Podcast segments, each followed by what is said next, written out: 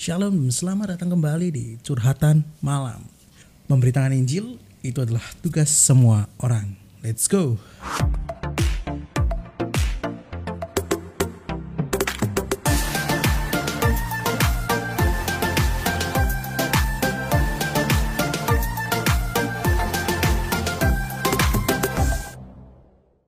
Curhatan malam hari ini kita akan berbicara tentang perempuan Kanaan. Ini cerita yang menarik karena kita bisa dapat banyak pelajaran dari sini. Hari ini kita membaca banyak ayat, jadi persiapkan Alkitab kalian supaya kita bisa bareng-bareng baca dan kita bareng-bareng berhenti. Aku percaya siap cerita yang dibaca dua kali, tiga kali, empat kali itu juga akan dapat rema yang berbeda. Sudah siap? Di 15 ayat 21 sampai 39. Oke. Ya. Kita baca yang ke ayat 21 dulu. Lalu Yesus pergi dari situ dan menyingkir ke daerah Tirus dan Sidon.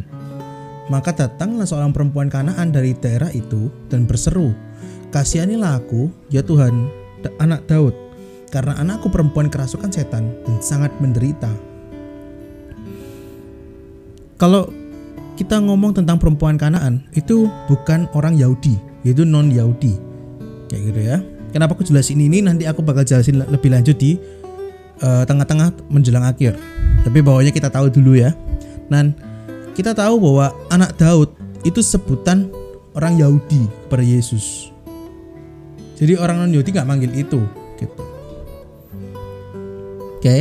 dan uh, karena anakku perempuan kerasukan setan dan sangat menderita. Jadi kita harus tahu ya guys bahwa sebenarnya setan itu kayak bekerjanya bisa banyak cara, kayak gitu. Jadi bisa kayak dirasuki, gitu kan? Atau misalnya dari secara kayak halus gitu. Kalau ngomong halus tuh kayak ya bisa diterima gitu. Diterima oleh telinga gitu. Contohnya kayak spiritual itu kan bisa diterima telinga kan. Orang mau dengan teknik-teknik perkat, uh, permainan kata akhirnya bisa keterima di beberapa orang gitu. Jadi harus hati-hati karena berdampaknya kita bakal sangat menderita. Karena apa pun bentuknya apa pun caranya semua akan membuat kita terikat. Dan kalau sudah ter, sudah terikat baru kita merasakan sengsaranya. Pertamanya belum. Pertamanya justru lebih enak oke? Okay? jadi jangan bermain dengan roh-roh jahat kayak gitu. Apa pun itu um, bentuknya. Kalau ini kan ngomong tentang dia itu apa dirasuki dan langsung manifestasi. Biasanya itu teriak-teriak biasanya itu cakar-cakar ninju-ninju orang gitu ya. Biasanya gara-gara juga pikiran kosong. Kita nggak ngomong tentang ini sih tapi ya kita kan cuman mengkulik sedikit gitu ya. Biasanya kerasukan seperti itu. Apalagi nggak tinggal di dalam Kristus. Kita nggak baca kita nggak bahas itu sih. Lanjut dulu lanjut dulu. Nggak tambah ke situ nanti. Ayat yang ke-23 tetapi Yesus sama sekali tidak menjawabnya. Akalan perempuan ini itu lagi itu mendek, mendekat gitu loh ibaratnya. Dia itu datang dan berseru. Berseru itu kayak apa ya rada keras gitu loh ngomongnya berseru kayak gitu. Harusnya Yesus tuh dengar kayak gitu karena aku yakin gak caranya nggak jauh kayak gitu tetapi Yesus sama sekali gak menjawabnya kok menarik ya kenapa ya gitu Lalu kita baca dulu. Lalu murid-muridnya datang dan meminta kepadanya, minta pada Yesus, suruhlah ia pergi, ia mengikuti kita dengan berteriak-teriak. Hmm. Berarti Yesus dengar. Ini ini konfirmnya bahwa sebenarnya dia itu ngomongnya keras kan, kayak gitu. Dia ngikuti apalagi. Jadi dia itu benar-benar kayak mengharapkan sekali, sudah berserah sekali gitu kan. Teriak-teriak memohon kayak gitu.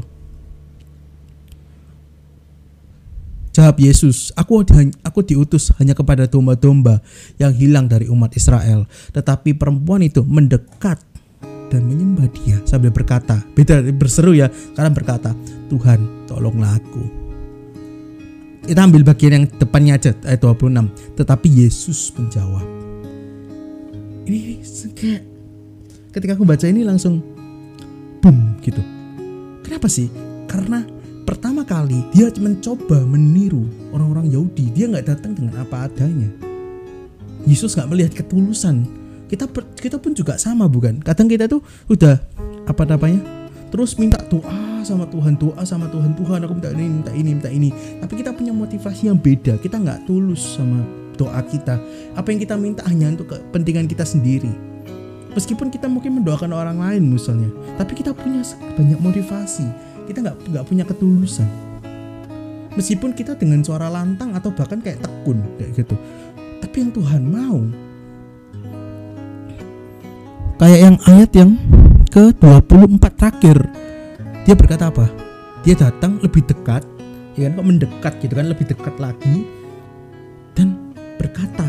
Kok berkata itu artinya harus ngomongnya nggak terlalu banter gitu ya.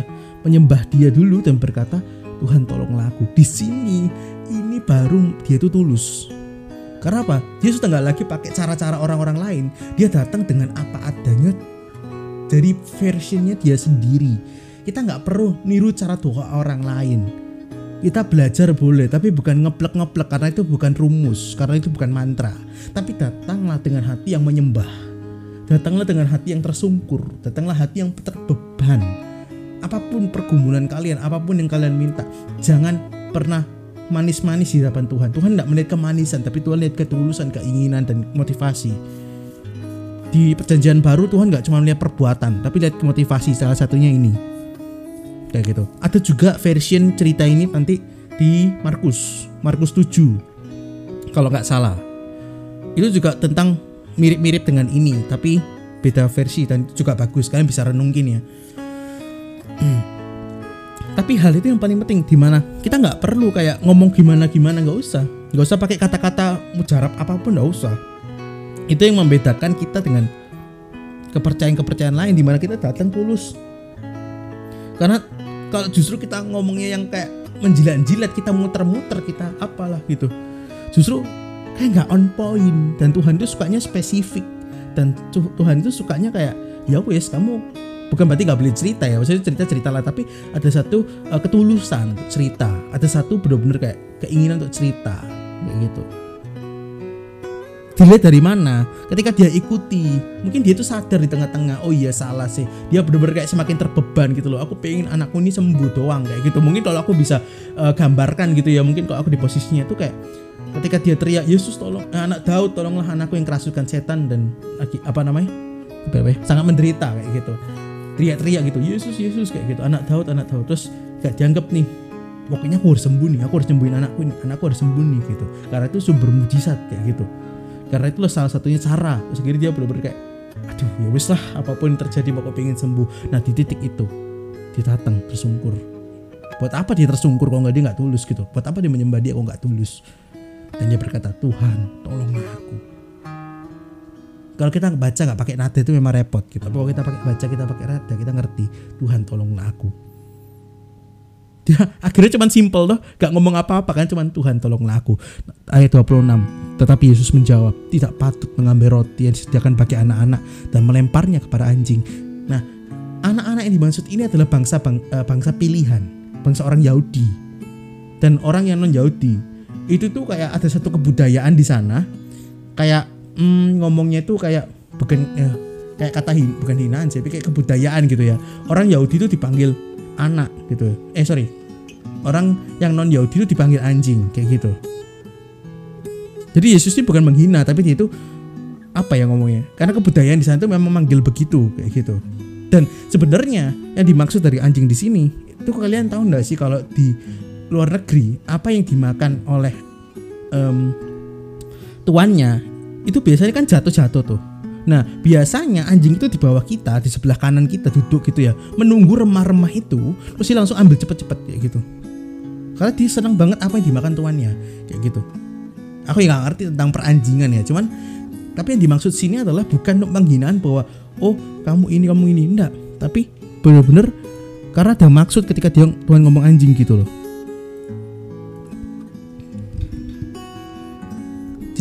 Apa ya? Aku jangan ngomong tentang anjing. Ini yang di yang di Indonesia yang makanannya ya pasti itu itu aja. Tapi kalau di luar negeri itu benar-benar dianggap seperti dirinya sendiri kayak gitu kalau anjing sana. Gitu. Ya nggak semua orang sih maksudnya rata-rata kayak gitu. Bahkan aku juga pernah ngomong salah satu orang yang punya anjing gitu pada saat ini kayak talk, talk show gitulah ngomongnya. Terus aku tanya eh anjingmu itu pernah nggak sih makan remah-remah yang kamu jatuh nggak sengaja jatuh atau kamu jatuhin dengan sengaja? Kayak gitu dia ngomong iya memang bener. Gitu. Jadi itu confirm banget bahwa oh iya bener juga ya gitu. Remah-remah itu nggak banyak loh guys. Remah-remah itu ya maksudnya oh, perintilan tuh kan ngerti gak sih? Ya ya cuma potongan-potongan kecil gitu kan. Nah oke okay, sampai sini paham ya guys. Jadi yang apa anak Tuhan itu datang memang khusus untuk anak orang-orang Yahudi memang pada saat itu ya. Kata perempuan itu, nah ini nih. Benar Tuhan, nggak sangkal ya, dia nggak sangkal. Namun anjing itu makan remah-remah yang jatuh dari meja tuannya. Wow, ini bagus sih. Dan kayak secara tidak langsung nggak bilang gini, remah-remahmu itu cukup buat aku, eh buat anakku sembuh, gitu loh. Mam nggak sih kayak, ya dia ngomong gini loh kayak,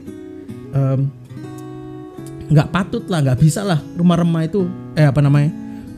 Eh, sorry sorry, Ehm, kita baca dikit ya tidak patut ngambil roti yang disediakan bagi anak-anaknya dan melemparkan kepada anjing.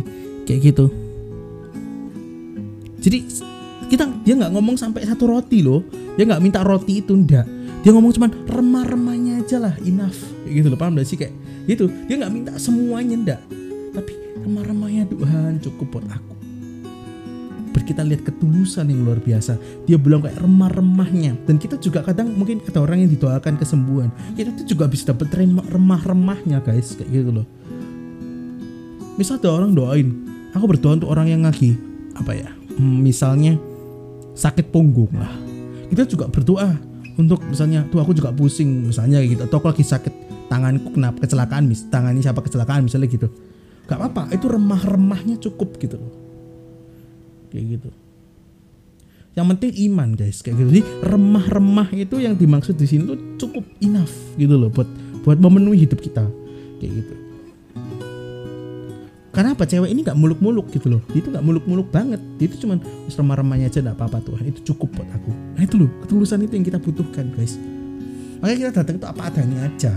Gak usah pakai ada apanya. Apa adanya aja. Loh gak usah yang macem-macem guys. Kalau misalnya kalian ada masalah tuh ada apa ya datang ke Tuhan. Tersungkurlah. Ngomong Tuhan aku ada masalah seperti ini. Tuhan tolonglah aku. Kayak gitu. Ya apa caranya terserah Tuhan. Kayak gitu. Karena aku percaya gitu Tuhan pasti berikan aku makan kayak gitu. Jadi kita harus belajar dari ini kata maka Yesus menjawab dan berkata kepadanya hai ibu iman eh, besar imanmu maka jadilah kepadamu seperti yang kau kehendaki. Dan seketika itu juga anaknya sembuh. Kita berhenti sampai 28 aja nggak usah sampai 39 terlalu panjang. Di sini kita belajar banget kayak sebenarnya Tuhan tuh bisa loh nyembuhin. Ini ini Yesus ini gak pergi loh ke anaknya tiba-tiba cling gitu enggak dia tiba-tiba nggak tangannya memanjang. Enggak dia nggak nggak pakai mantra-mantra tiba-tiba anaknya keluar. Enggak eh anaknya keluar. Anak eh, roro jahat keluar dari anaknya. Enggak dia nggak suruh siap muridnya untuk jamah. Enggak nyentuh juga enggak tahu namanya aja ya pasti tahu sih. Tapi maksudnya Tuhan aja nggak anak ini kan ibunya nggak nyebut anak namanya sama sekali tuh kayak gitu. Pokoknya anaknya aja. Kita aja nggak tahu namanya siapa anaknya itu. Kayak gitu. Tapi Yesus bisa sembuhkan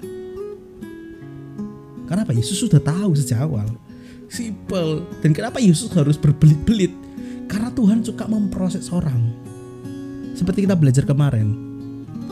Ibu ini melewati proses yang banyak di mana dia harus kayak aku yakin banyak sih proses gak, gak sesimpel yang ceritakan ini bukan? Pasti kan di kejadiannya pasti lebih lengkap lagi kayak gitu.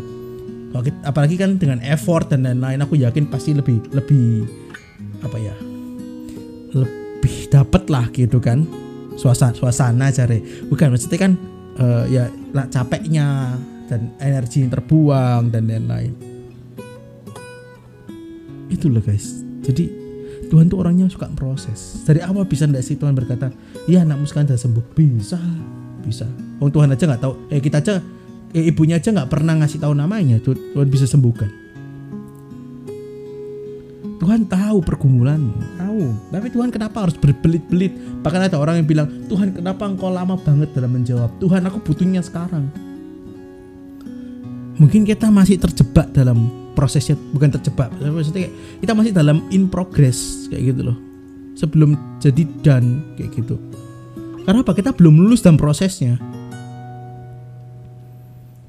Ini awalnya ibunya itu dengan cara yang salah Tuhan ubah ke cara yang benar terus Tuhan masih ajak berdialog kayak gitu. Perjumpaan kalau ngomong kayak kita ngomong kayak eh, pertemuan gitu dengan Yesus kayak gitu. Kita juga sama ketika kita mungkin banyak masalah Tuhan memilih kehadirannya daripada kesembuhannya. Tuhan memilih kehadirannya daripada mujizatnya saat kita titik rendah tiba-tiba mungkin ada something membuat kita itu benar-benar damai banget kita kejamah banget dan itu membuat kita jadi semangat lagi dalam kerja misalnya. Kita down karena pacar tiba-tiba kita diberi diberi kekuatan untuk mengalah misalnya. Kita di, apa namanya dalam belajar kita mungkin itu stres Tuhan nggak mungkin aku bisa aku rada bodoh. Nggak apa-apa Tuhan nggak mungkin nggak langsung berikan kamu kepintaran. Tapi Tuhan mau kasih kasih kamu tuh mungkin kebijaksanaan hikmat kayak bagaimana cara mengelola emosi, bagaimana sabar. Mungkin Tuhan pengen ke sana dulu karena Tuhan mau progres dulu. Kayak gitu. Karena Tuhan gampang aja gitu. Aku pernah bahkan kayak aku tuh cuman terasa kayak di progres, ternyata sisanya effortless Tuhan yang kerjakan. Pokoknya prosesnya sampai gitu loh. Paham gak sih kayak uh, seperti Paulus yang didoakan jemaat-jemaatnya. Jemaat-jemaat itu punya power apa sih? Kayak gitu loh tapi ketika dia ada ketulusan hati para jemaat mendoakan terjadi sesuatu effortless gitu kan ibaratnya jemaatnya nggak ngakuin apa-apa. Kayak gitu loh. Jadi kadang cuman butuh progres saja kayak gitu loh. Kita cuman butuh di progres dulu kayak gitu. Ada pengalaman dulu karena Tuhan itu suka ngambil progres dan berpengalaman dengan kita kayak gitu. Kalau nggak ada pengalaman ini ini orang perempuan kanan nggak punya mindset yang baru pemikiran yang baru cara yang baru. Gitu loh. Jadi hari-hari ini jangan suka instan. Aku tahu tuh nggak enak banget. Aku pun ketika belajar juga oh enak instan ya enak cepet biar aku bisa rebahan. Oh enak cepet selesai masalahnya. Tapi tanpa itu kita nggak bisa jadi orang yang pribadi yang lebih kuat. Jadi lebih baik kalian bukan meminta mujizat masalah kalian loncat keluar dari masalah tapi minta Yesus hadir dalam siapa permasalahan kalian. Izinkan kalian bisa merasakan kehadirannya. Itu lebih penting sih menurutku. Sekarang ini aku pribadi, aku bukan mencintai masalah, tapi aku menghargai setiap masalah. Ketika ada masalah, aku menghargai. Yes, ini proses dari Tuhan. Berarti ketika ada masalah, Yesus akan berbuat sesuatu. Itu yang selalu aku pegang ya detik ini kayak. Ketika ada masalah, justru Tuhan akan menyatakan kemuliaannya. Karena Tuhan ingin berproses dengan kita, Tuhan ingin berpengalaman dengan kita. Kayak gitu. Jadi kalian punya hak untuk memilih guys. Kalian mau berproses dengan dia atau enggak. Kayak gitu. Dan yang penting satu biar yourself aja datang ke Tuhan. Gak usah pakai cara A oh pendeta A ini bisa berdoa kayak gini supaya dapat apa gitu. Enggak. Kita boleh belajar dari mereka cara berdoa tapi bukan ngeplak gitu. Kita belajar uh tulus banget nih ya gitu. Misalnya dia manggil papa dalam doanya oh ya aku juga pengen lah biar intim. Itu boleh. Tapi kalau kita sampai ngeplek-plekan ya buat apa kan? Tuhan nggak Tuhan itu bukan Tuhan yang pakai narasi. Gitu. Tapi pakai hati. Gitu guys. Semoga kalian bisa mendapat sesuatu dari cerita perempuan Kanaan ini ya. Sebelum selesai kita doa dulu. Tuhan terima kasih. Kami boleh belajar untuk datang dengan kepadamu apa adanya Mungkin kami dengan segala ketidakmampuan kami Tuhan kami percaya. Sekalipun kami mungkin sudah merasa nggak kuat tapi satu yang kami akan pegang Tuhan kami nggak akan keluar dari masalah kami. Kami cuma pengen satu Tuhan kami mulai di dalam nama Yesus dan kami akhiri dengan puji Tuhan. Itu yang selalu kami pegang Tuhan Ajari kami Tuhan untuk jadi sab, orang jadi orang yang lebih sabar untuk jadi orang yang lebih mengerti Tuhan apa jadi kehendakmu Tuhan. Ajari kami Tuhan untuk semakin bisa mendengar suaramu apa yang jadi perintahmu apa yang jadi instruksimu Tuhan. Kami rindu Tuhan semakin hari semakin dekat denganmu karena kami nggak bisa keluar dari hadiratmu Tuhan. Di dalam nama Yesus kami berdoa dan mengucap syukur. Amin. Kok kalian suka dengan episode hari ini seperti biasa kalian boleh share, kalian boleh kasih tahu ke teman-teman kalian nah, di Spotify ada namanya curhatan malam Aku percaya dari hal simple akan terjadi sesuatu dan revival akan terjadi di mana pun kalian berada. See you di episode berikutnya and God bless you.